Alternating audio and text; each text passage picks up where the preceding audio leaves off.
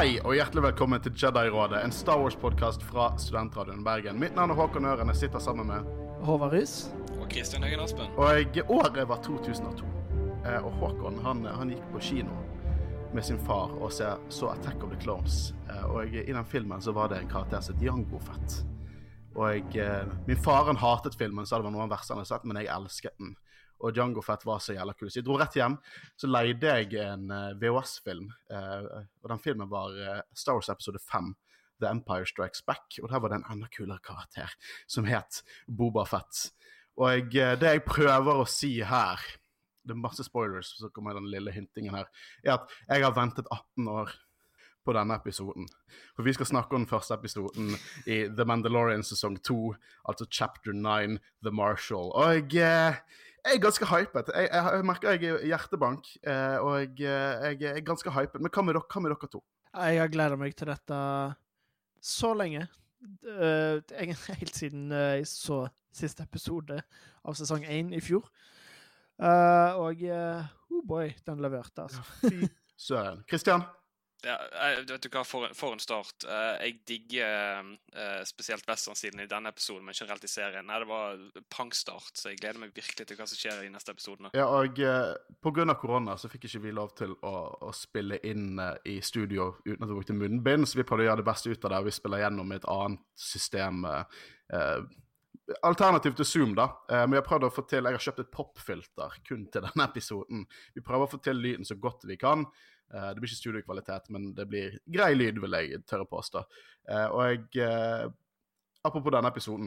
Jeg, det er kanskje ikke min favorittepisode av hele serien, men den er der oppe. og jeg, jeg, vil si at kanskje den beste standalone-episoden. Den, fungerer så sinnssykt godt alene, samtidig som det er røde tråder går videre. Det, det, er jo lengste episoden opp til nå, 52 minutter lang. 54 med recapen i begynnelsen av episoden. og Hvis noen kommer og sier til meg at Disney ikke forstår eller respekterer Star Wars, så kan jeg understreke hvor feil de tar. Og så skal jeg sende de til å se episode 1 av Mandalorian sesong 2. For fy faen, den respekterer de mest diskré og nyanse, minste nyansene innenfor canon, og det, det hyper meg så sykt mye. Uh, men vi uh, skal jo fordype oss i denne episoden. The Mandalorian, chapter 9, The Marshal.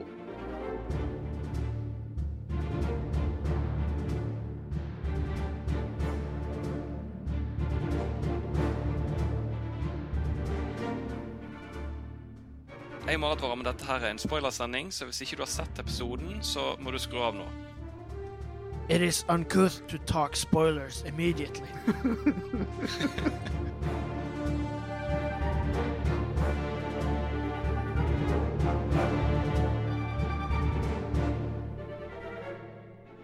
Så The Mandalorian chapter 9, The Marshal. Jeg må bare si at jeg elsker at de kaller det chapter 9. De gjør det så mye enklere å gi Jedi-rådet sine episoder en tittel, eller bare kalle det chapter 9. Og det er en fortsettelse på chapter 8, som er sesongavslutningen i sesong 1. Og, eh, bare den lille detaljen hyper meg. Det begynner en cold opening. Begynner på en ukjent planet. Mando og Baby Yoda går inn i lyset, bokstavelig talt. Eh, og jeg eh, jeg vet ikke hvor dette er. Jeg begynte å tenke litt Nasha da. Jeg husker vi spekulerte litt eh, i vår spoiler, uh, preview-sending om traileren, Christian. Uh, fullt av tagging. Masse rart uh, tagget. Og det er noe vi ikke har sett skikkelig i Star Wars ennå. Rebels går jo Sabine Wren litt og tagger, men dette er en sånn underverden liksom, Det kunne gjerne sittet noen junkies borti hjørnet der. Og det er fullt av dyr i mørket med røde øyne og ganske mørke greier. Jeg føler det er noe jeg uh, sier relativt ofte, egentlig. Men uh, Mandalorian har vært utrolig bra på verdensbygging. Og det er, ja, er nesten sånn at verdensbygging har mista betydningen, for jeg har sagt det så mye. Men det føles så mye mer levende. Og å se på en måte Den taggingen var en skikkelig kul detalj. Og ja, når han går inn i den baren, og liksom Det er en dørvakt der, og det bare er kult å se sånne ting, på en måte. Og så er det veldig mye sånn forskjellig uh, av de tekstene som hintet til, til Stormtroopers. Uh, du ser en form for C3PO mm. uh, som jeg har lest litt på. jeg er basert på helt original versjon av C3PO fra starten. Oh, ja. Ja, for jeg, jeg, så den, jeg, så den uh, protocol droiden som bare skrek C3PO. Eh, Det er også noen Mandalorian-hjelmer og Stormtrooper og Clone Trooper-hjelmer. Mange som er sånn, har et kryss over seg. Eh, om det betyr noe, det vet jeg ikke, men det er kult, og det gir mening. Eh, Fuck the Empire. nei. Jeg har faktisk, jeg har faktisk eh, mer beviser på at Empire er the good guys ut ifra denne episoden, så I hvert fall, de, de går inn eh, og møter en sånn dørvakt, Twi'lek dørvakt, eh, som sier 'enjoy the fighting' etter Mando sier han skal møte en eh, karakter som heter Gore Koresh, som Håvard så fint hadde en liten eh, parodi på i eh, spoilerseksjonen. Eh, og eh, han skal møte han rett og slett fordi han vet han har fått hørt at han har informasjon om hvor flere Mandalorians skjuler seg, eller hvor de er. Fordi han eh, vil rett og slett få hjelp av Mandalorians til å egentlig få baby Yoda tilbake igjen, barnet tilbake igjen til sine folk. Om det er rase eller organisasjon, det vet vi ikke helt ennå, men det er på en måte starten på denne serien. da. Så han går inn i denne Jeg liker skikkelig godt at de bare fortsetter akkurat der de slapp. Ja. I, uh, Jeg liker at det er ingen tidshopp i det hele tatt. Ja. Uh, At de tar en Last Jedi rett og slett og bare begynner rett etterpå. Uh, men nei, musikken, når man går inn i det der arenastedet, er så sykt kult. Og bare hele stemningen der inne. Det er nesten som at ja, du har skammen Villain i kantina, men dette her er liksom brutale skammen Villain i. Dette her er det er steder du ikke har lyst til å, til å henge, rett og slett. Det, vi ser at det er to bøffe Gamorian guards, eller Gamorian, som slåss mot hverandre med vibro-økser. Og eh, Mando setter seg ned eh, ved siden av eh, en abyssin som heter Gore Koresh, og bruker dette ordet uncouth, som vi drev og diskuterte hva det betydde. Jeg trodde først han sa uncool, og det var veldig lite Star Wars, men eh, han sa uncouth når jeg diskuterer business. Eh, og eh, det viser jo seg at han fyren er ikke til å stole på. Han rett og slett uh, prøver å drepe Mandalorians for å få tak i Beskar, for det øker i pris. Det virker som han selger Beskar, da. Han kaller det Your Precious Shiny Shells, eller noe sånt. Uh, og det blir en sånn kul sekvens der eh, de leker liksom Å, er du en gambler, Mando? Og bare sånn nei. Og så trekker de våpen på han.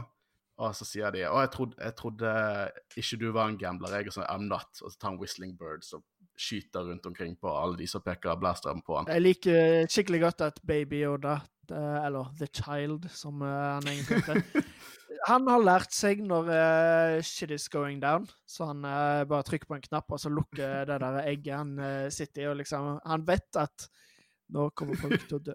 Nå skal, nå skal pappa slåss Men, litt. Men det er ganske kult, da, med Gomorians. eh, så du, det, det er fin referanse rett til Return of the Jedi, Ja. da. Så det er jo veldig stilig. Og så har du jo um, uh, Dapmorian der, som du ser, som er rasen til maul. Men uh, Sabrak, for jeg tror ikke det var en Deathemorian Sabrak. Det er en forskjell på Deathemorian Sabrak og Sabrak. Mens målet en Deathemorian Sabrak, så er de med bare horn, og ikke den rødlige tatoveringene, det er bare en Sabrak. Ah, OK. Fun- Eh, fun uh, fact of jeg, the day. Har, ja, nei, jeg, jeg leste det på nettet at det, det, var, det, det, var rasen hans, liksom. så Samme jeg bare, det er samme rase, det er bare Deathemorian Sabrak som målet er en underdel av rasen. Det er egentlig bare Sabrax. OK, men han, han, er, han er en del av rasen. Ja, du har helt rett. du har helt rett. Men det som er også gøy, når vi snakker om liksom referanser til Return of the Jedi og Gamorians, at de er like dumme her. Så når, når, når, når eh, en Gamorian blir skutt av han mafiabossen, og alle peker blastere mot Mando, så reiser det en Gamorian seg, og så ser du han over skuldrene. Han ser helt feil retning og bare skjønner ikke hva som skjer. Og så med en gang Mando begynner å angripe de folkene, så bare hopper en Gamorian etter han og bare slår seg sjøl ut ved å falle på bakken. Jeg lurer litt på hvorfor Jabba brukte de som vakter. De er vel billige, og de, ser vel, de er vel ganske skumle. De er jo store folk, liksom. De kunne gjerne hatt Gamorian som dørvakter. Men den kampen, ass, det, det er en gang han tar Han tar liksom og headbutter noen som En arm, en hånd, liksom. Mando. Han bare slår hodet sitt inn i en arm for å få slå ut den armen. Det var bare en jævlig kult koreografert kamp. Helt Jeg hadde en sånn jeg, hadde en reaksjon at jeg bare sto, jeg satt og bare sånn gjennom hele den actionsekvensen. Eh, og Jeg var egentlig sånn gjennom hele episoden. jeg lagde masse lyder og drev og skrek at jeg hadde ventet på dette i 18 år. Eh, men eh, Gore Koresh han løper ut, og Mando løper etter, og han egentlig tar og fester han til lyktestolpe i Batman-stil. Uh, Gore Koresh han forteller at det er Mandalorian på Tatooine, i en by som heter Mos Pelgo. Og, så, og da, var, der, der tenkte jeg skjer dette allerede i første episode. og en liten kul detalj her. Han uh, Gore han tar og um, han sier at han sverger ved The Gotra. Og The Gotra, det eneste tingen i, uh, i canon som heter Gotra, det er noe som heter uh, Droid Gotra. Og Droid Gotra er en droidegruppe for droiderettigheter. som be, kom i eksistens etter The Empire sludde, skrudde av alle battle droidsene. Og det hadde de gjenlevende battle droidsene et problem med, så de laget en egen gruppe for droiderettigheter, som også har jobbet mye med, med eh, crime-syndikatene på Corisont, blant annet. Så det var en gøy liten detalj som jeg lærte mer om, for bare Gotra har jeg aldri hørt før. Jeg tror det var en gud eller noe sånt, men han sverget med en droide-rettighetsgruppe. Eh, de trenger jo rettigheter, de òg. Uh, så Mando sier takk og går derifra og skyter lyset, sånn at de dyrene i mørket kommer for å spise opp uh, Gore.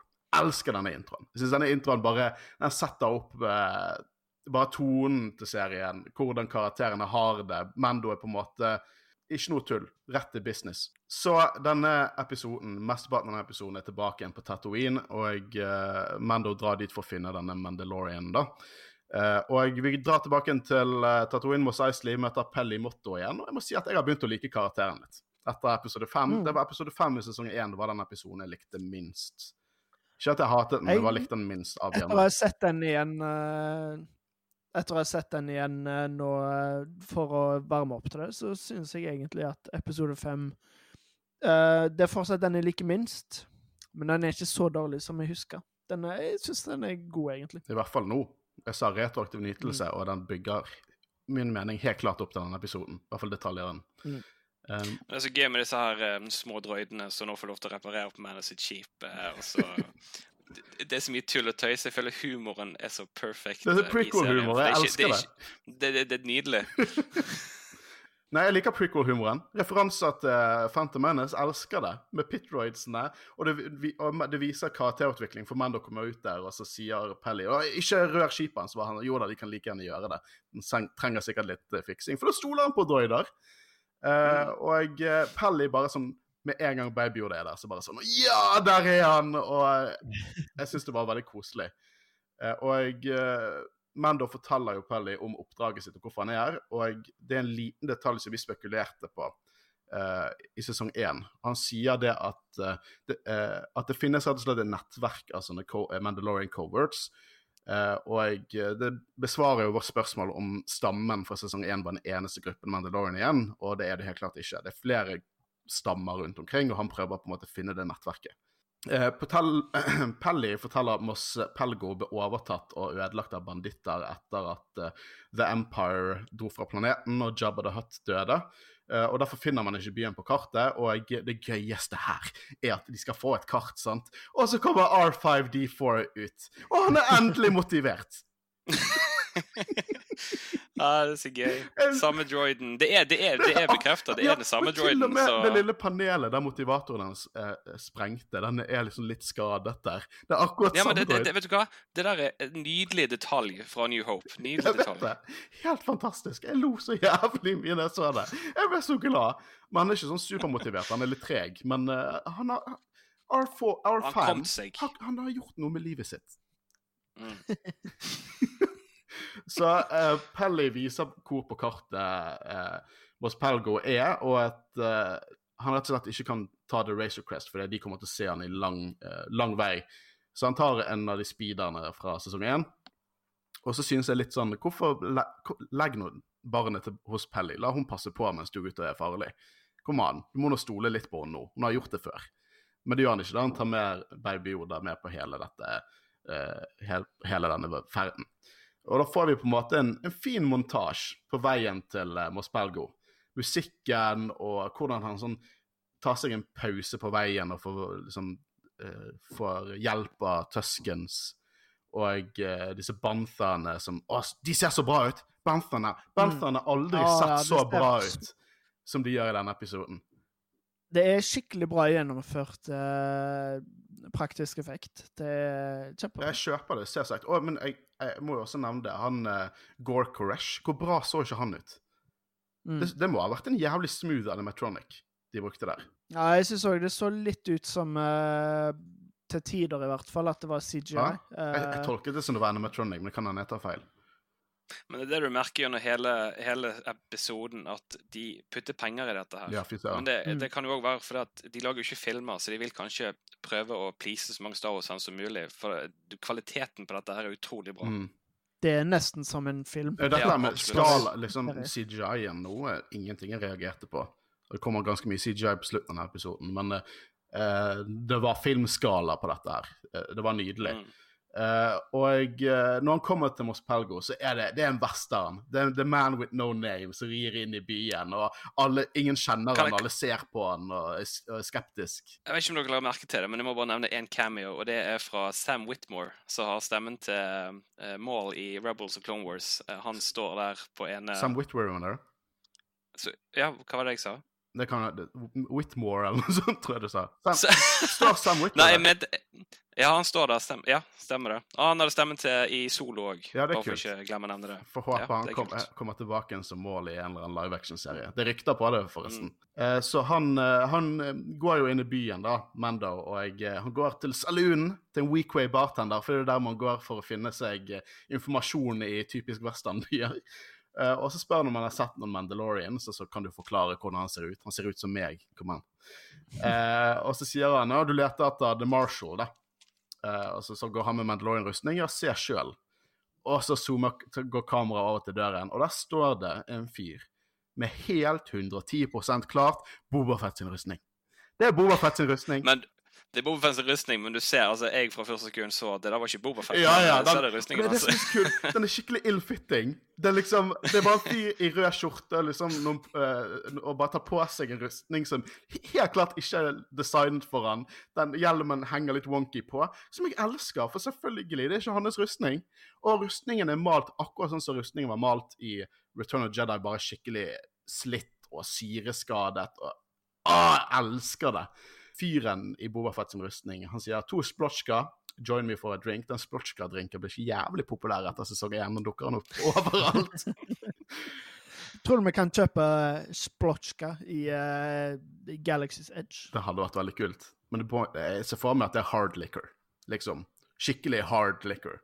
Type heimbrent 90% hard eh, liquor.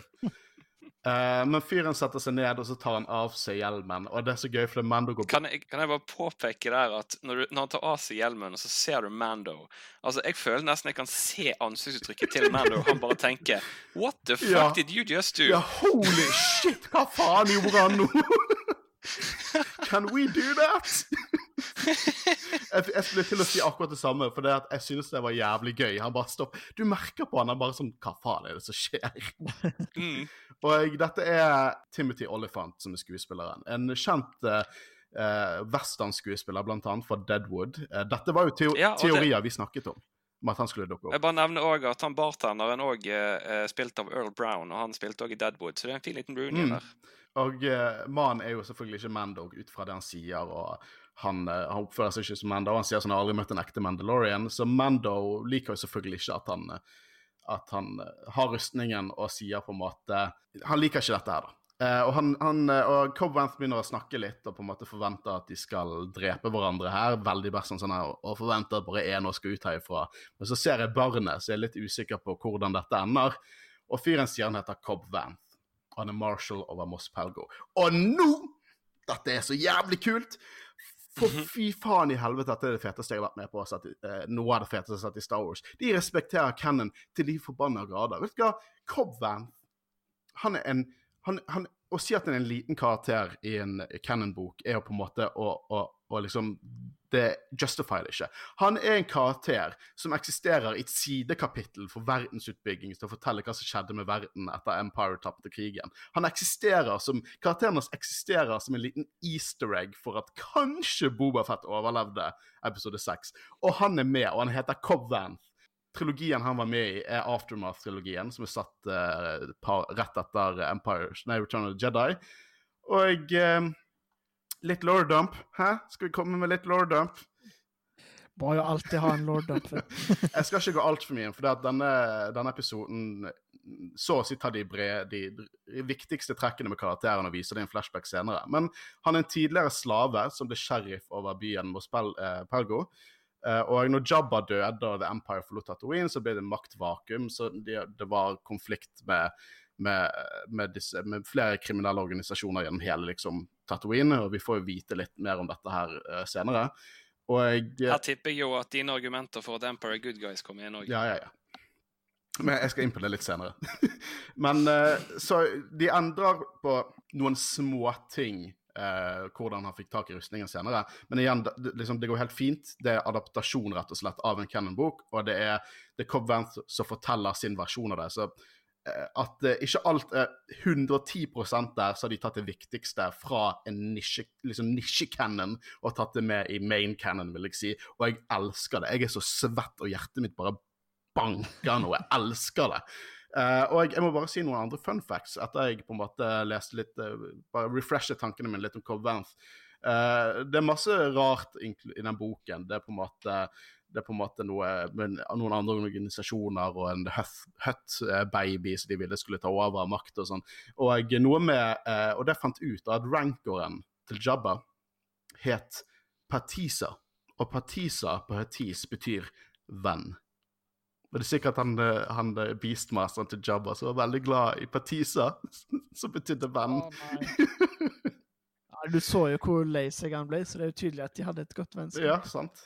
Uh, og uh, det er rett og slett det som er Cobb Van. Og han er liksom, for det, når jeg tenkte at Bobafett kom kanskje til For det var rykter Bobafett skulle kanskje, rustningen til Bobafett Bobafett skulle kanskje være med i Mandalorian sesong to. Så tenkte jeg ja, uh, de kommer til å bare vise Bobafett i rustningen sin. da. Det er det som kommer til å skje. Og så kommer de til å liksom komme med en visual guide og forklare hvordan Cobb Van mistet rustningen eller whatever. Men nei, det gjør de ikke. De, de gir oss det som har skjedd. De respekterer alt. Jeg vet ikke om dere har fått det med dere, men jeg, jeg, jeg elsker dette her. Dette, dette her Dette her Dette, Dette her er fantastisk. Jeg elsker det. Her er det inntrykk, altså. Fy faen, jeg er så hypet. Å, jeg har lyst til å sove til neste episode kommer ut. Jeg har ikke lyst til å vente. Uh, men uh, tilbake til det som skjer nå. For Mando spør hvor han fikk rustningen, og han forsvarer at den ble kjøpt av noen javar. Uh, og Mando krever at han skal ta av seg rustningen og, og gi den. Uh, og det, er like den lille scenen at uh, Cobb sier 'Vil du gjøre dette foran barnet?' Og så sier han 'Han har satt verre'. Yeah, yes! jeg tror jeg sa høyt før Mando sa det, så jeg, baby Oda har takla det, jeg har vært med på mye verre ting der. uh, denne potensielle gunfighten ble avbrutt av et tilsynelatende jordskjelv. Og det er en crate dragon som blåser gjennom byen og ødelegger og spiser en bantha, og det er første gang vi ser en crate dragon i live action. Vi har snakket litt om crate dragons før i Cannon. Har dere noe erfaring fra De, de, de er indirekte med i noe i Cannon, men det mest i Legends. Det er vel uh, Ja, det er vel en crate dragon vi ser skjelett av ja. helt i begynnelsen av A New Hope. For Obi-Wan så... skriker som en crate dragon for å skremme Tuskens i, uh, i A New Hope. Jeg liker at uh, lydene den Crate Dragon lager den, Det høres omtrent ut som de har samplet. Ja, å, det er så gøy! Det er kjempegøy. Nå, nå, har jeg ikke noe imot Nei, ikke det, er for, det er fortsatt litt goofy de, at de endrer det til den, de lydene i uh, special edition av A New Hope, men nå, nå, går det helt fint. Nå går det helt fint. Retroaktiv nytelse. Det er dette jeg snakker om. Bare, bare la sequel-trillingen gå gjennom det samme, så har vi det. Og det, en, det, det, jeg tenkte litt på her, er at når Mando ser denne her Crate Dragon, så må jo han tenke faen. Det må jo være en så jævla mye kulere signet enn det jævla Mudhornet å ha en fuckings Crate Dragon på skulderen. Uh, og Cobb sier at kanskje de kan finne en enighet angående rustningen. Uh, så Cobb sier til Mando om han hjelper ham med dragen, så skal han få rustningen. Og Mando er enig og sier bare han kan finne The Crest og blåse han ut av uh, hullet sitt, men vi forklarer at dragen vil på en måte merke potensielle skip pga. vibrasjonene og vil holde seg under bakken. Så det er en god forklaring på hvorfor han bruker speederen og, så videre. Mm. Men jeg må bare si at jeg liker skikkelig godt at uh, han faktisk er med på den planen. At, fordi jeg føler at i sesong én, sånn som han var da, uten Baby Yoda, så hadde han sikkert bare dreit i det og skjøt han, og så bare tatt rustningen. Ja. Men uh, han sånn... tenker liksom OK, ja, OK. Jeg, jeg, kan være med på det, mm. så slipper han å drepe han. Og så er han veldig mer, med pratsomme mennesker òg. Mm. Ja, han er ganske hyggelig til tider. Mm. Samtidig Jeg liker skikkelig godt at han, han vokser litt opp, på en måte. Ja. Blir eh, Eller ikke vokser opp, men blir litt mer Utviklingen snillere. er fin. Mm. Ja, det er det. Eh, Jeg synes det, eh, Karakterutviklingen i denne serien synes jeg er nydelig. Liksom Cobb Vanth til og med har en skikkelig karakterutvikling i denne episoden. Mm. Uh, og vi får, uh, vi får liksom en, uh, en, eh, shot av Mando og Cobb på speederbikes eh, som er på vei liksom til å undersøke Crate Dragon. da.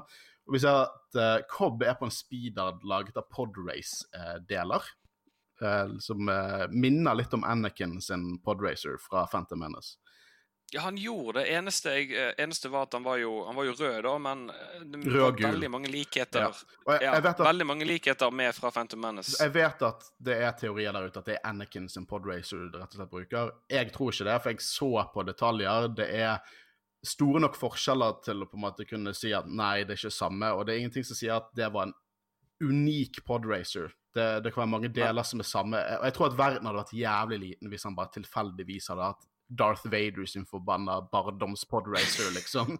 Så nei, jeg tror, Nei, men- jeg tror ikke men- det er det. Men det, det er helt klart en referanse til Phantom Menace. Det er det. Ja, det er akkurat det, men uansett så er det en, uansett om den ikke er den, eller om det er den eller ikke er den, så holdt jeg på å si, så er det en fin liten referanse. Ja, for du ser likheter, og en fin referanse til Phantom Menace, for at podracingsløpet Mm. var et av høydepunktene med den filmen. Absolutt. Jeg er helt enig. Det er en nydelig liten referanse til Phantom Menace. Og jeg har sagt det før, jeg elsker når, når Star Wars refererer til Phantom Menace også. Eh, det skal Mm. behandles som canon, for det er canon. Og, og, når, Mm. og Mandalorian så, viser så mye respekt til all Star Wars. Liksom mye, eh, mye av det beste fra Legends, mye av det eh, verste fra Holiday Special eh, til Phantom Menace, til eh, sequel-trilogien, eh, til alt, alt. Uansett hvilken kvalitet, om det er bra, dårlig, middels, whatever, Mandalorian respekterer det, og det respekterer igjen jeg. Um, Cobb begynner å fortelle historien sin nå, da. Han forteller om at uh, Death Star blåste opp, og jeg likte at han sier uh, 'den andre jeg snakker om nå', by the way. uh, og vi får se uh, eksplosjonen via Holonet uh, i en bar i Mos Pelgo, der de feirer. Og vet du hva dette betyr? Dere to. Uh, opprørersympatisører. Det viser at disse terroristene, opprørerne, ikke bare dro de der for å drepe så mange eh, Imperial liv eh, på den space-stasjonen. De tok med seg et forbanna camera crew. For å bare dokumentere den handlingen de gjorde mot galaksen. Ja, men tror du ikke de har teknologi som liksom plukker opp det inni i uh, Men det er skipet? Det, det er fortsatt Det samme. Bare blodtørstige jævler. Og vise dette til alle. Barn og Kan være CGI, vet du. Altså Det kan nok være et Camera Cruise-film på baksiden. Men uh, en ting som er veldig kult, det som jeg leste uh, i ettertid, var at den teksten som surrer rundt uh, død, holdt på å si, visningen av eksplosjonen av dødsstjernen der Hvis ikke snur den, så sier den litt fra opening crawl, med der som det står The Galactic Empire has secretly begun the construction of a new armored space station even more powerful than the first Death Star, som er ganske kult. Sier han eh, noe, noe i forhold til det? Ja, den teksten, hvis du svipper den, så leser jeg på nettet at du oversettes den til den Ah, ja. teksten Kult. ut ifra opening crawl i Return of the. Jedi. Um, Så det var ganske det er kult, ja. Uh, men vi får se at The Mining Collective, som er en av flere kriminelle organisasjoner som slår til når Jabba Empire eh, var ute av kommunikasjon, de går inn i baren eh, til, på Mos Pelgo og dreper og fanger innbyggerne. Og det gir en litt dyster følelse. For når vi ser Return of the Jedi Special Edition, is, ser vi Tatooine at de feirer, så vet vi at det er bare et helvete rundt omkring på hele planeten, der kriminelle organisasjoner går inn fordi The Empire forlot eh, planeten etter at Døde stjerne 2 eh, gikk i luften. Og eh, en annen liten interessant detalj er at det, krigen var jo ikke over fordi Death Star 2 sprengte, men eh, Empire dro ut av eh, enkelte systemer, som Tatooine, nesten med en gang Death Star 2 ble sprengt. Og det gir egentlig mening, så du har på en måte disse nesten kolonistyrte stedene. Det, er på en måte helt ute i, i Ville Vesten, da, Tatooine.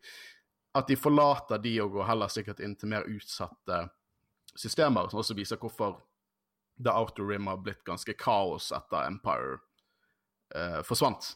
Som er en interessant liten detalj. Eh, han forteller også at Mos Pelgo ble en slaveby, og uh, Cobb som var i denne baren, har reddet Weekway, eh, bartenderen, og jeg kom seg unna med en Captono. Eh, husker den Will Roe Hud eh, ice cream-makeren, med silicate-krystaller. Og så søkte jeg opp dette med silicate-krystaller. da. Eneste stedet jeg fant det, var at det, det var et type krystall som var med i Splinter of the Mind's Eye fra Legends, en av de første Legends-bøkene som kom ut. Den kom ut før Empire Strikes Back kom ut, så den var liksom uh, Der var Luke og Leia ikke i familie, og jeg, uh, i hvert fall en liten referanse derifra, da, som er kult. Han går jo rundt i ørkenen, dette blir vist i en flashback. Han blir reddet av Javar, som kommer rett fra eksplosjonen av Jabba sin sailbarge ved Pit of Karakun. Uh, og de har lyst til å bytte De finner krystaller. Hjelp, redder han. Det er ganske snilt i averne. Redder han, men så ser uh, han, de at han har med seg alle disse krystaller, og vil selvfølgelig ha de. Men det han vil ha, er en Boba Fett sin syreskadede rustning som henger borti hjørnet. Og så drar han tilbake igjen til Mospelgo og dreper kollektiv, eh, Mining Collective i en nydelig og jævlig kul scene. Eh, det virker sånn at du ser i den scenen at de har frykt for Mandalorians, for de kunne jo likevel tatt én person, men de ser hvem det er, på en måte, og så løper de. Tror du kanskje de trodde det var Boba Fett? Det, det er mulig. ja. eh, jeg, jeg, må si jeg får frysninger av å se Boba Fett sin rustning igjen. Uh, jeg, jeg, ser eh, også da han går inn i den baren, og jævlig kult øyeblikk, og sånn rister på hodet til Weekway at han må komme seg ut, og så begynner han å skyte de ned som en sånn rett ut fra en western. Og de treffer rustningen, den bare flanker av skuddet. Og jeg, eh, jeg hadde det inntrykket at Boafett sin rustning var laget av Durastil og ikke Beskar, men det kan godt hende at det ble retconnet til at det faktisk er Beskar nå, ut ifra Jeg så hvordan den ble oppførte seg, liksom, med, med skudd. Men uh, Durastil, det er ikke Det tåler ikke skudd? Jo, det tåler jo det, men det, bare, det oppførte seg akkurat på samme måte som Mando sin rustning oppførte seg på. Det er derfor jeg begynte å lure litt. Det, det kan godt hende at det bare er Durastil. Eh, nå, nå, spekulerer jeg bare. Men eh, det er uansett en Mandalorian-rustning, for Mandalorian-rustning trenger ikke være laget av Beskar for at det skal være en Mandalorian-rustning. Uh, og uh, han bruker missil for jetpacken. Vi ser også en stålplate uh, på jetpacken der, som på en måte dekker over der den ble skadet av Han Solo. som var en kul liten detalj. nydelige detaljer. Og etter dette så ble han på en måte ble marshal over her. De ga byen egentlig et nytt navn, Freetown, for å, de frigjorde alle slavene der. Og Det kan også forklare hvorfor det ikke finnes på noe kart. De endret navn, de kanskje de prøvde å slette det, sånn at ingen kunne utnytte den byen igjen. Og det er noen karakterer som mangler for denne historien, eh, når han finner rustningen og sånn. Men det er detaljene som Cobb vil fortelle Mando, og det er nydelig adaptert fra bok til live action. Eh, nydelig. Av ingen, av ikke en dritt å klage på eh, med den flashbacken. Hva syns du om dere, dere, om alt dette? Jeg likte det skikkelig godt, og jeg uh, syns det er kjekt å se Mandalorian-rustningen uh, bli brukt i, i sånn action, og uh, litt, litt uh, rart, kanskje, at han har lært seg å bruke drakten med en mm. gang.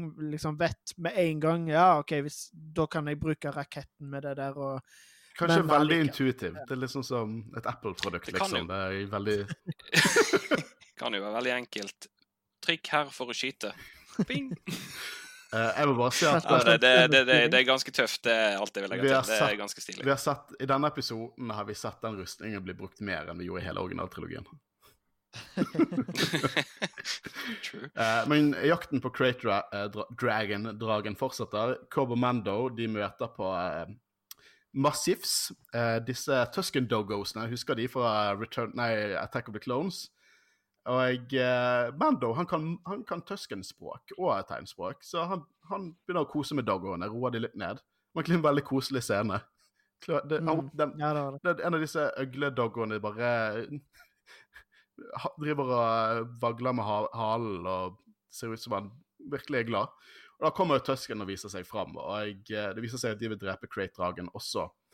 Uh, og de drar sammen med Tuskensene, selv om Cobb er veldig nervøs uh, om dette. Det er selvfølgelig en sånn western-ting, uh, da, at det liksom The townsfolk som har et sårbart forhold til de innfødte på stedet. og Vi kommer på en måte til Tusken-basen, og den lille detaljen her er at vi ser en Tusken som bruker en gaffistikk til å renske tærne til en bantha. Som bare var en kjempekul detalj. Det er ikke et bare et våpen, de bruker det liksom til masse annet kulturelle greier. Jeg syns det var skikkelig gøy. Jeg syns det var utrolig kjekt å se mer av Tusken Raiders i denne episoden, fordi i alle Alt annet så er på en måte Tuskens bare eh, brutale innfødte som eh, raider og alt mulig sånn, men du får på en måte litt mer uh, inntrykk òg, og spesielt uh, det du ser i denne scenen her, fordi da får Cobb Vanth en sånn rar fryktgreie med noe drikke oppi som lukter helt jævlig. Og så sier de liksom at ja, men du stjal vannet vårt, og så nå nå vil du ikke engang drikke det vi gir deg, og så det, det gir Nesten som fredspipe, tolket det som. Ja, og det, det Jeg syns det er så kult å se det, fordi de, de, er jo på en måte de som er native mm. til den regionen der, og det er på en måte De er ikke så brutale, egentlig. Eller de er brutale. Senere, de overlever. De har overlevd i den ørkenen i flere tusen år. og og eh, det er liksom på en måte hvem, Hva kom først, kyllingen eller egget? sant? Altså sånn, OK, dere stjeler vann, og dere dreper oss. og sånn, Vi beskytter oss fra dere. så Hvem er det som har problemet her? Og de, uh, En Tusken og, og Cobb går jo på en måte begynner å kjefte på hverandre, og det går nesten gale helt til Mando og fredsmegler ved å skremme det shit ut av dem med en flamethrower. Uh, som er kult. Uh, er det også en Tusken uh, doggo, jeg kaller det Tusken doggo, som har lyst til å spise baby Yoda? Jeg, jeg var litt nervøs der. ja, han, han kan, vet hvordan han lukker igjen krybben sin, så det går bra. og så, Jeg syns det var veldig søtt at rundt bålet så sitter liksom barnet mellom beina til, til Mando og så nede under og bare passer på. at at, ja, det, at det, er veldig søtt. og jeg, de drar videre til, til der Crate Dragon tilsynelatende er. da Det blir fortalt fra Tusken at, de, at dragen skjul, liksom, sover i et forlatt Sarlac-pit. Så sier Cobb det finnes ikke forlatte Sarlac-pits, og så sier Mando jo, hvis Sarlacen er spist. Og husker dere vi snakket om dette i Return of Jedi? Hva den eneste naturlige fienden til en Sarlac var? Crate Dragons, som spiser ah, de. Ja. Og det er, det er bitte liten canon-detalj som de bare tar inn her. Det, det, det er nydelig. Elsker det. Eh, og eh, Tusken eh, har tydeligvis analysert dragen sine søvnmønstre og eh, fordøyelsesmønstre, så de driver og mater dragen for at den skal sove lenger. Uh, og uh, det er kult. Det, det, kjøper jeg. Verdensbygging der. Selvfølgelig har de et sånt eget forhold med den. liksom Sikkert antikke monstre som lever på, på Tatooine. Nesten behandler det som en gud mer enn noe annet. Ja, er det veldig mange av de der Crate-dragene, eller er det på en måte nesten en utdødd rase? Det vet jeg ikke. Uh, nå har jo liksom Obi-Wan visste tydeligvis om Crate Dragons. Vi har sett skjelett av en liten Crate Dragon i New Hope, så jeg vet ikke om det, det er sjelden at de er så store som dette, vil jeg heller tro. Gjette. Men vi vet rett og slett ikke så mye. Jeg glede, må si at jeg gleder meg til den, eh, den bok, referanseboken som kommer ut i, i, juni eller juli neste år. For den, eh, jeg tror den skal dekke de to første sesongene. Da kommer vi sikkert til å like gjerne ha en ny episode der vi bare snakker om ting vi ikke visste vet nå, som vi vet da. Uh, men jeg synes alt dette er interessant. Sånn, sånn som du sier, kulturen til Tuskensen, å få vite litt mer om det, det gjør bare det sånn, Det gjør episode to mørkere, når Anakin bare mm. dreper dem. Uh, vi får også en scene der de prøver å ofre en bantha. Altså, de tar en bantha inn i hulen, og så skriker de, og så kommer Great Dragon og bare spiser den stakkars Tusken Raideren istedenfor banthaen. og uh, så får vi en scene. Det synes jeg var litt goofy, for det, det, det er Tusken Raider som på en måte skal sette opp en, en plan der som Mando og Cobb, og så er det et skjelett av en orm eller noe sånt, og sånne små steiner. Og så sier Cobb 'It's not to scale'. Som høres litt sånn grinete ut, men det er sikkert fordi han er litt grinete, for han liker ikke å samarbeide med dem. Og så forklarer egentlig Manor 'I think it is', og det viser egentlig bare hvor diger den, den Crate Dragon er, da. Og det er små steiner som symboliserer de. Uh, og jeg, uh, de snakker om at det ikke er nok, og så sier Mando noe, så legger Tusken på enda flere eh, steiner. Og da blir Kopp sånn Å, det, sånn skal det være. Hvor får får vi for, forsterkninger? Og så sier Mando at din by stiller frivillig seg til dem. så de må tilbake igjen og få med innbyggerne av Moss Pelgo til, til, å joine forces, rett og slett. Så jeg syns er veldig gøy. Mm. Uh, så de skal overtale Moss Pelgo, da, for, uh, for Mando og uh, og Cobb drar tilbake igjen, og det er skikkelig Western rådsmøte i saloonen. Og så, This here is a Mandalorian. And you know how good they are at killing. Det, det, er, det er, så western at det, jeg syns det er kjempegøy. Eh, og jeg vil få vite det at Cobb sier at The Mandalorian Creed sier at Mando kan ta rustningen fra en ikke-Mandalorian. Eh, han kan kreve rustningen tilbake igjen, som er en kul liten detalj, eh, som gir mening. Jeg syns det var veldig kult. Eh, og jeg, eh, Cobb sier liksom uh, grown fond of this, arm, this here armor, men han er redd for at dragen plutselig skal drepe innbyggerne, eller skolen. Selvfølgelig hadde en liten skole, for det er en westernby. Eh, eller byen i seg sjøl. Så da skal deale at han vil Mando returnere rustningen til sine ancestral owners. Jeg tror ikke han forventer Boba Fett, ass. Jeg tror, jeg, Helt ærlig så tror jeg ikke det originalt er Boba Fetts rustning heller. Vi snakker litt mer om Boba Fett i slutten av denne episoden. Men Mando snakker om Tuskens. Han formidler at de er brutale, og, men de er overlevere. De vil ikke bryte sitt ord, og det skal være en fred mellom de og Tuskens så lenge de får kjøttet og beina for dragen. Og så lenge eh, ikke landsbyboerne bryter freden, så skal de holde ordet sitt. Jeg synes syns det er skikkelig interessant. Og uh, du merker jo at allerede nå så er Cobb Vanth på en måte litt mer åpen til Tusken Raiderne, så jeg, jeg, jeg føler at han har en sånn uh, karakterutvikling i denne episoden mm. at jeg regner med at de faktisk klarer å holde den våpenbilen. Ja, det tror jeg på. At, at mm. han har på en måte sett at de er ikke de barbarene som jeg trodde det var. Mm. At så lenge vi klarer det, så Ja, nei, jeg liker, den, liker det skikkelig godt. Han tar jo til og med fredsmegler, for de møter Tusken her. og De kommer i en sånn her rekke med Bentha og alt dette hadde Obi-Wan sin stemme i hodet mitt. Uh, uh, Sand people, Sand always people only travel in a single file. Wow. Sorry, jeg stjal han, jeg ville ha han. uh, og og uh, nydelig musikk også. Uh, skikkelig mm. kult. Mm. Og, og, jeg liker at da begynner Cobb å fredsmegle nå, fordi at er en av tøskene som mister en eksplosiv, og så er det en annen fyr som bare sånn her What you doing there, boy? Uh, skikkelig western. Og, det, det, er en fin liten referanse til ja, High Summer, by the way. Ja. For de som tar den. Det er jo litt High Summer-vibes her. Uh, men hele tiden at de skal ta eksplosiver og ta det og bruke det mot Great Dragon. Og jeg, jeg må si at jeg elsker sånne historier som dette. Fiender som må jobbe sammen for å bekjempe noe større. Det, det liksom Det er bare Jeg synes det er så gøy. I, mm. i hvilket som helst property, ikke bare Star Wars. Jeg synes det er kjempegøy. Uh, og jeg, eh, de bygger opp til en stor kamp mot denne dragen, da. Og jeg, de er utenfor hullet. Vi har på en måte ikke sett dragen skikkelig. Vi har sett på en måte glefse og på en måte noe scales ikke skikkelig tydelig. Og det er derfor Cobb er litt sånn usikker på hvor stor den faktisk er. Uh, og uh, nå, nå, på en måte prepper de dette angrepet, og jeg, uh, jeg liker nå at Cobb bare drikker det, vannet, vann, det røykvannet, eller hva faen det er. Som viser karakterutvikling. Nå får han den tøsken og bare sånn Ja, ja, få drikke det, da. Og da får mm. vi på en måte en montasje der Mando forklarer planen, og de skal begrave eksplosiver som skal sprenge magen til dragen, som er på en måte det såre punktet, da. Og de skal de skal på en måte pisse off dragen eh, til å angripe og bruke harpuner og eksplosiver og hele pakken for å på en måte få han ut og sprenge han. Og da står Mando og Cobb eh, på en måte på en liten ås over som to badass kommandører. Og eh, det er bare, det er skikkelig kul oppbygging av dette her. Og det minner meg, og det er mye mer som gjør det, minner meg om et oppdrag fra Nights of the Old Republic-spillet. Uh, der uh, vi skulle på en måte uh, Tuskens og litt sånn forskjellig skulle få ut en Crate Dragon for å få tak i en perle. Minner det sant? Det er kult at de tar sånne bare små detaljer som det. Og... Ja, det er veldig gøy. De respekterer legends og canon og alt. Jeg digger det. og det kommer tre Tuskens ned for å få dragen ut ved å skrike litt. Jævlig skrikete språk de har, men det er kult. Eh, og da får, vi, da får vi det skikkelig tydelig at dragen skriker som Obi-Wan fra New Hope. Elsker det. Bare litt skumlere. Det er litt skumlere. Det er ganske terrifying, den dragen, egentlig. Det, ble, det er en skikkelig kul kamp. Hva synes dere om på en måte generelle denne kampen her? Det er skikkelig kult uh, gjort. Uh, men òg noe jeg faktisk ikke la merke til i begynnelsen, er det at når dragen faktisk kommer ut av hulen, så endrer de formatet.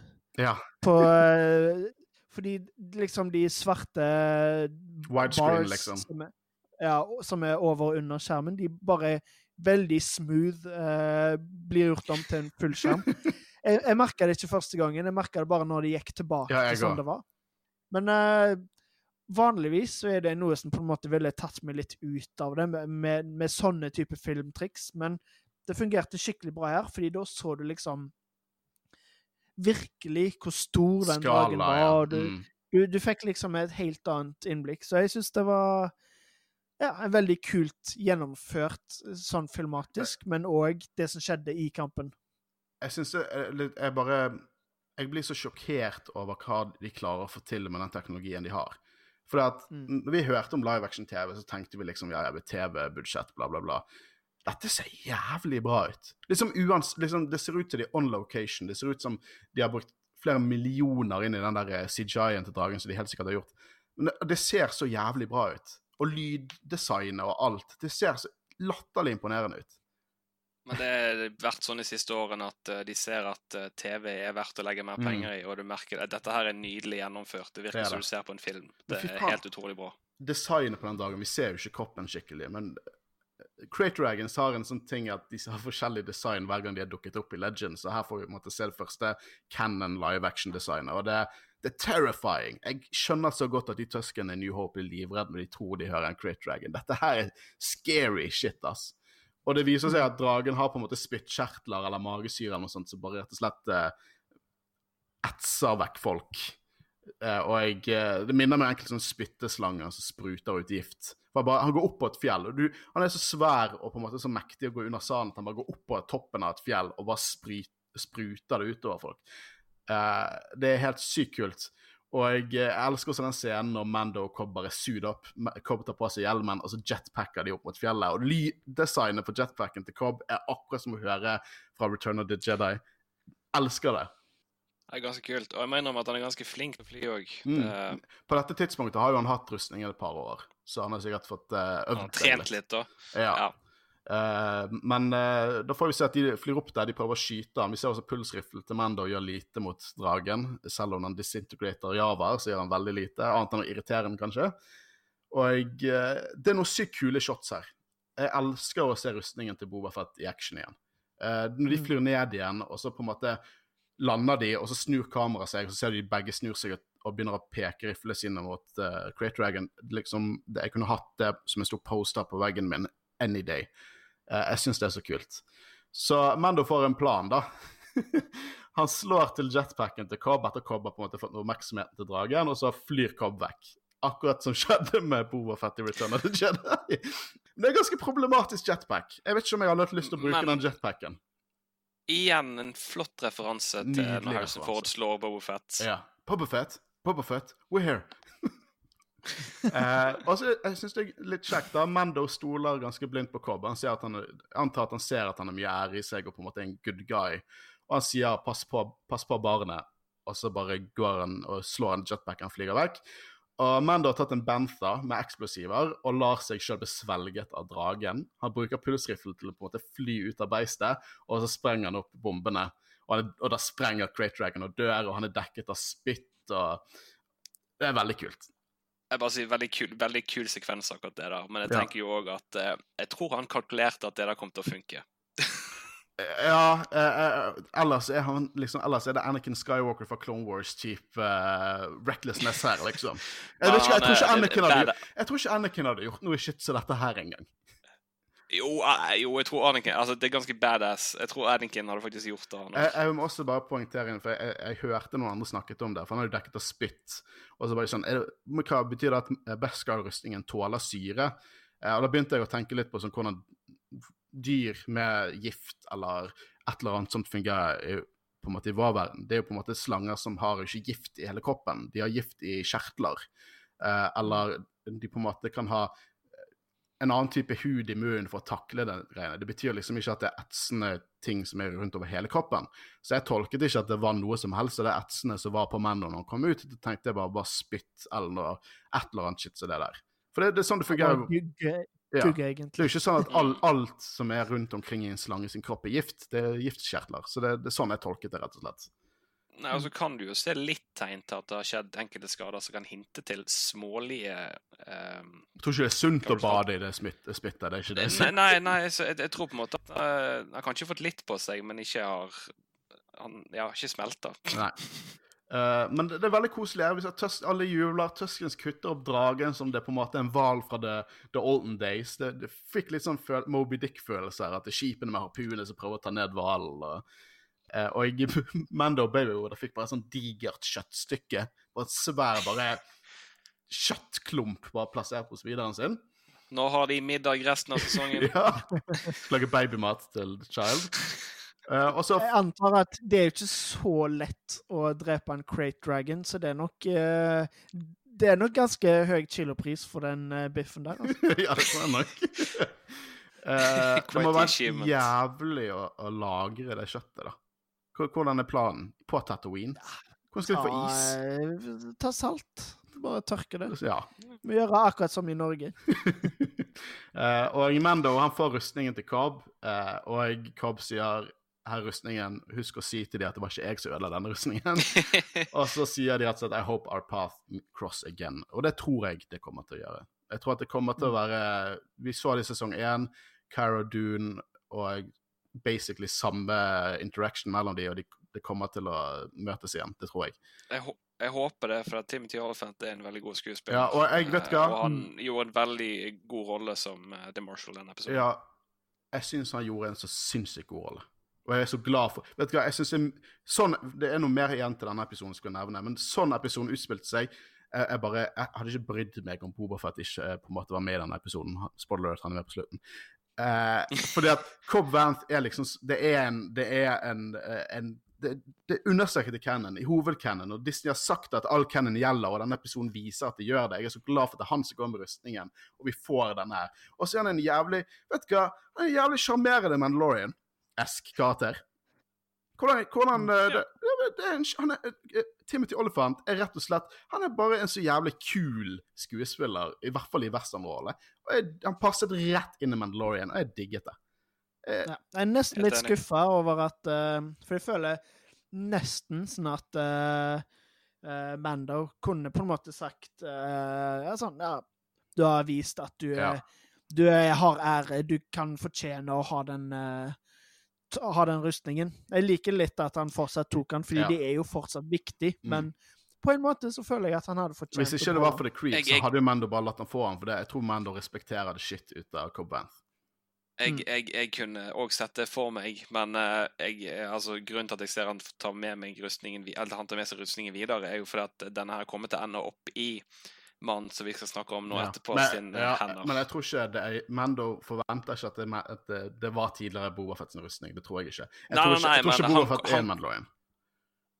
Nei, men han kommer til å få rustningen tilbake, det er jeg ganske Ja, sikker på i løpet av sesongen. det tror Det, Eh, Ja. Fordi at eh, Tuskens og jeg må også si det. Tuskens finner denne perlen, og det er referanse til Nights of the Old Republic. At uh, de på en måte er ute etter disse dyrebare perlene som er i Crate Dragons. Jeg digger det. Og det virker ganske tilfeldig hvis ikke man har den informasjonen i bakhodet, for de bare tar ut noe som ser ut som en eh, blodig volleyball og holder den opp i luften, og så jubler. Men det er referanse til Nights of the Old Republic, blant annet. Eh, og så speeder Mando tilbake igjen, og så ser vi at en karakter som ser på han, snur seg mot kameraet, og det er Timora Morrison, som ganske tydelig spiller Boba Fett her. Arret er skallet, han ser sliten ut. Og jeg må bare si en annen ting før vi begynner å diskutere litt teorier, for det er det som er det gøye vi kan gjøre nå. Vi har bare sett én episode, selvfølgelig. Men det, det er jo garantert han vi så i episode fem i sesongen. Garantert. Ja, for at, Husker dere den lyden når han går på sanden? Jeg Ja. følte jeg fikk den lyden når Nei, han gikk nå ja, men du fikk den lyden, for jeg har sett den scenen opptil fem ganger nå for å finne ut om den lyden var der. Og den lyden var Men- der. Den var det. Ja, det er akkurat det. Ja, det er han som har gjort nå at episode 5 betyr mer for meg, for episode 5 bygger opp mot denne episoden. Ah, Jeg elsker det! What a time to be alive! Hæ? Gullalder av Star Wars, og vi lever i det. Jeg elsker Men siden det. vi skal jeg, Ja. Men siden vi skal inn på å diskutere noe eh, Boefett, eh, så hvis dere har sett episoden dere som hører, så bak på ryggen hans så har han en Tusken rifle og en, en Gaffy-sticket. Tusken uh, Gaffy stick, takk. Mm. Begge deler. Så jeg har vært litt på tanken eh, rundt bålet i episoden, når de snakker med samfolket. eh, han sitter litt i bakgrunnen. Jeg, jeg lurer litt på Har han vært med i flere deler av episoden, bare gjemt Altså han har bodd med Tusken Raiders, på en måte? Kan Jeg- det være det? Jeg, eh, Det jeg har sett, hørt at andre har kommet med den teorien. Og eh, det er jo helt uh, plausible. Jeg, Mm.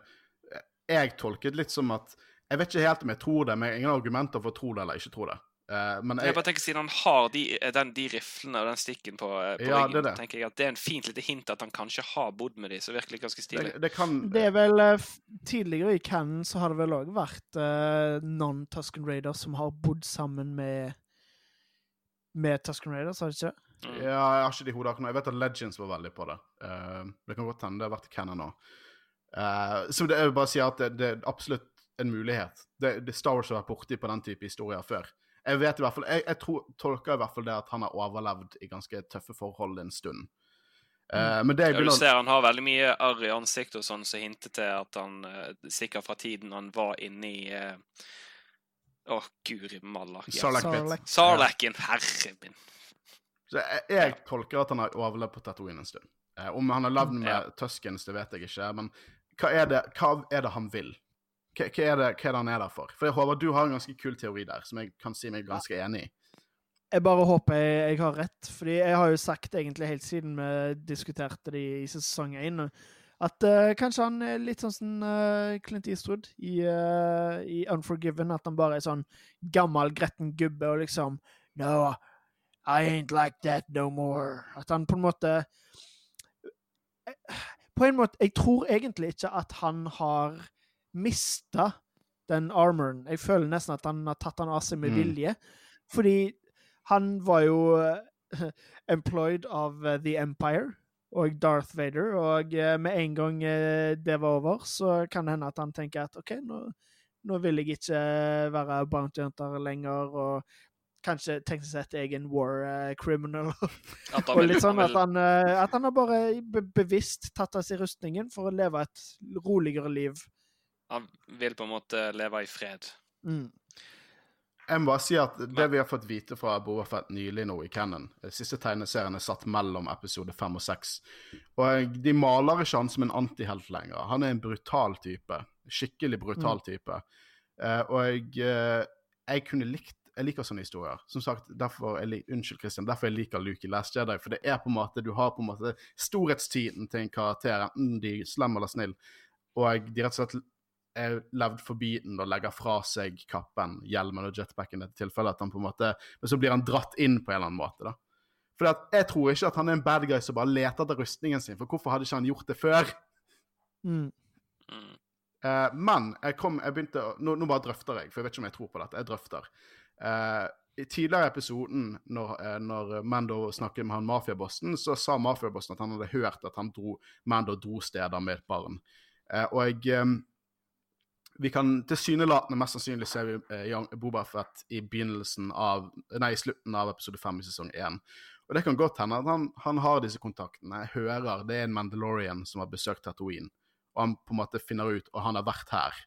Og han leter etter det, denne Mandalorian, og han derfor ser han han i denne episoden. For han har rett og slett gått rundt der for å lete. Han tror rett og slett noen har rustningen hans. Men det er jo kanskje være Mando han har fulgt etter. Og tilfeldigvis har Mando også rustningen hans. Det er en mulighet. Eh, jeg vet ikke helt om jeg kjøper den.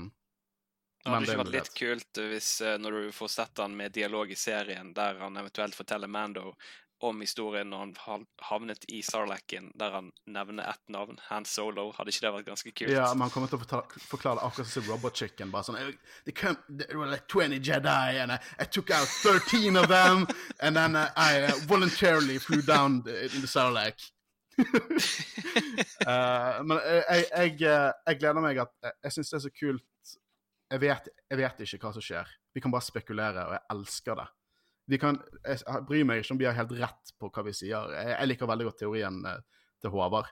Og det kan mikse med teorien din, eh, Christian, om at han, han kan godt hende han prøver å leve et rolig liv med Tuskens, for alt vi vet.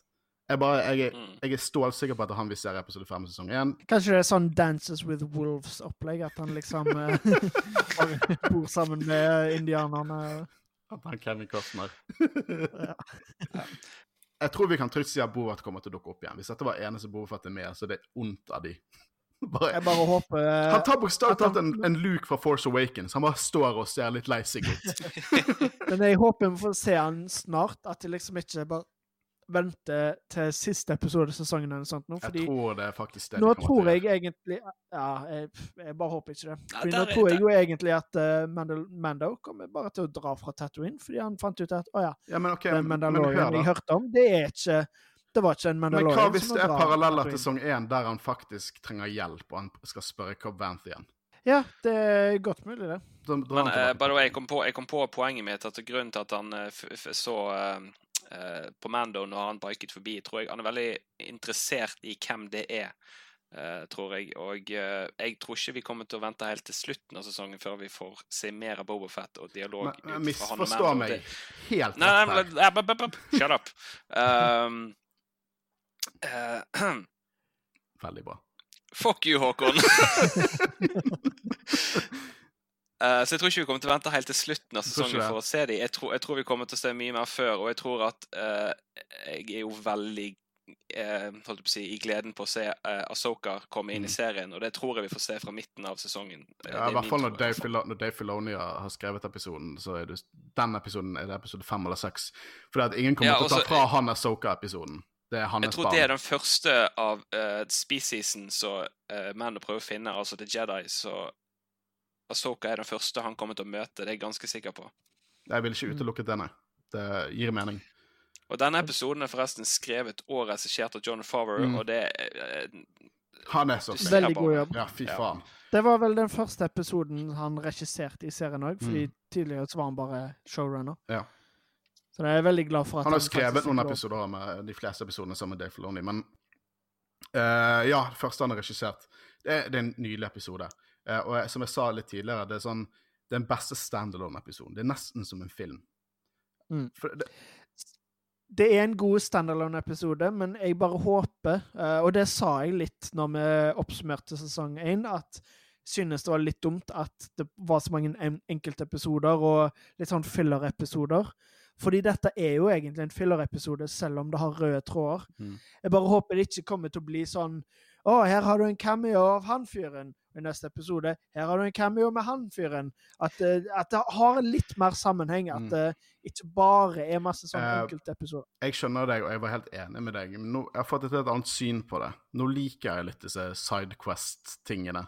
For det, vet hva, det var noen som, jeg tror det var Hello Greedo, han snakket om at dette her er som, det er som tegneserier. Volum, på en måte. At du har egne Ja. historier, men du har røde tråder som følger opp den liksom, overall-historien. Guro sa at det ligner oppsatt som Grace Anatomy, men, eh, men eh, hun elsker jo dette også. Men jeg har på en måte begynt å like det, for at han er så jævlig flink på, på på Hvis det er sånn sesong én, at du har på en måte et par sånne sidequests, og så kommer du til episoder som helt klart en liten trilogi eller whatever.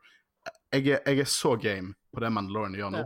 Jeg er så sykt med på det. lenge det er såpass bra gjennomført som denne episoden var, så går det fint. Mm. Jeg bare Jeg synes det er litt kjekt med Star Wars å på en måte få det større bilder av en sammenhengende historie, og eh, at det ja, blir fort bare cameos. Det, det er det jeg er redd for, egentlig. Men jeg, òg. jeg har ikke noe særlig imot disse filler-episodene. Så, altså, så lenge det går på karakterutvikling og kanskje Mm. litt eh, pre-historie, eller For det, at det er gøy òg med worldbuilding å se andre ting fra universet. Eh, Så lenge du har eh, fokus en del på main story, selvfølgelig, så er det kjekt òg å se litt sånn sidehistorier. Absolutt. Absolutt. Jeg må bare si at jeg eh, jeg, jeg har aldri hatt det lenge, Den St- Star Wars-gleden jeg får av Mandalorian, sesong én og sesong to for den saks skyld, det er bare det, Jeg er så glad for å være fan av denne franchisen nå. Det er bare så gøy. Det er nesten Det er så gøy at jeg lever. Ja, det er så gøy at jeg lever. Liksom, jeg er så glad for at jeg puster, eh, sånn at jeg kan få med meg dette her. Eh, nydelig. Jeg elsker det. Eh, og jeg digger å diskutere det med dere også. Jeg syns dette var en nydelig episode, og jeg, jeg gleder meg Mm. bare til å se hvor de går videre. Forhåpentligvis neste gang er vi i et studio, ikke der vi faktisk kan eh, se på hverandre face to face, ikke via eh, webcams. Men eh, uh, Jeg må bare si Det var en ting jeg uh, hadde tenkt å si tidligere, men ikke fikk sagt. Og jeg syns det er utrolig stilig at uh, Mando kan Tusken-språket. mm. Og eh, det er noe jeg ikke har tenkt over før nå, men jeg føler på en måte at Mandalorians og Tusken Raiders på en måte har et par ting til felles. Uh, jeg leste på Wikipedia at uh, i uh, Tusken-kulturen så, så er det forbudt å, å liksom vise hud. Og at det blir på en måte sett på som vanære hvis du viser det. da. Og selv om Mandalorians kan vise hud, så viser de jo ikke fjeset. Mm. Så det er jo litt kult å se at de har uh, sånne ting til felles. da, At de er dekka til. Mm. Jeg tror også Mando helt Og- sikkert har en historie med de, på, en annen Ja. måte også. Men det, ja, det er jævlig interessant det du sier, for det, jeg tror du helt, er klart innpå noe der. Uh, som en kul observasjon. Det tenkte ikke jeg over i det hele tatt. Faen, så flink du er. Ja, Det er derfor jeg er med i Jedi. Men du, Christian, Ja. hva ville du sagt til- lytterne våre om enkelte sosiale medier? Å nei, altså, jeg bare sier du må følge oss på Facebook. eh, du må følge oss på Instagram. eh, og uh, episodene våre det finner du på iTunes, på Spotify og finner du- du på stream.no. Ja, det er på skribb.no, men du, du finner det generelt der du hører podkastene dine. Eh, de fleste stedene. De er på iTunes, og da skal vi egentlig teorien være overalt. Ikke overalt, men vi er de fleste stedene. Dere finner oss. Eh, jeg gleder meg til å snakke mer Mando. Eh, vi skal nå spille inn eh, neste uke også. Og jeg, jeg gleder meg til å se hvor dette går videre. Jeg, å, jeg gleder meg. Ja, det kribler i magen. Jeg kan ikke si noe annet enn jeg gleder meg. Jeg er bare Jeg er så spent. Ja, Nei, men eh, mitt navn er Håkon Øren, og jeg har sittet sammen med Håvard Riis. Og Kristian Høyen Aspen. Og vi snakkes neste uke, der vi skal diskutere episode to fra The Mandalorian sesong to. Ha det bra. Ha det bra. Ha det bra.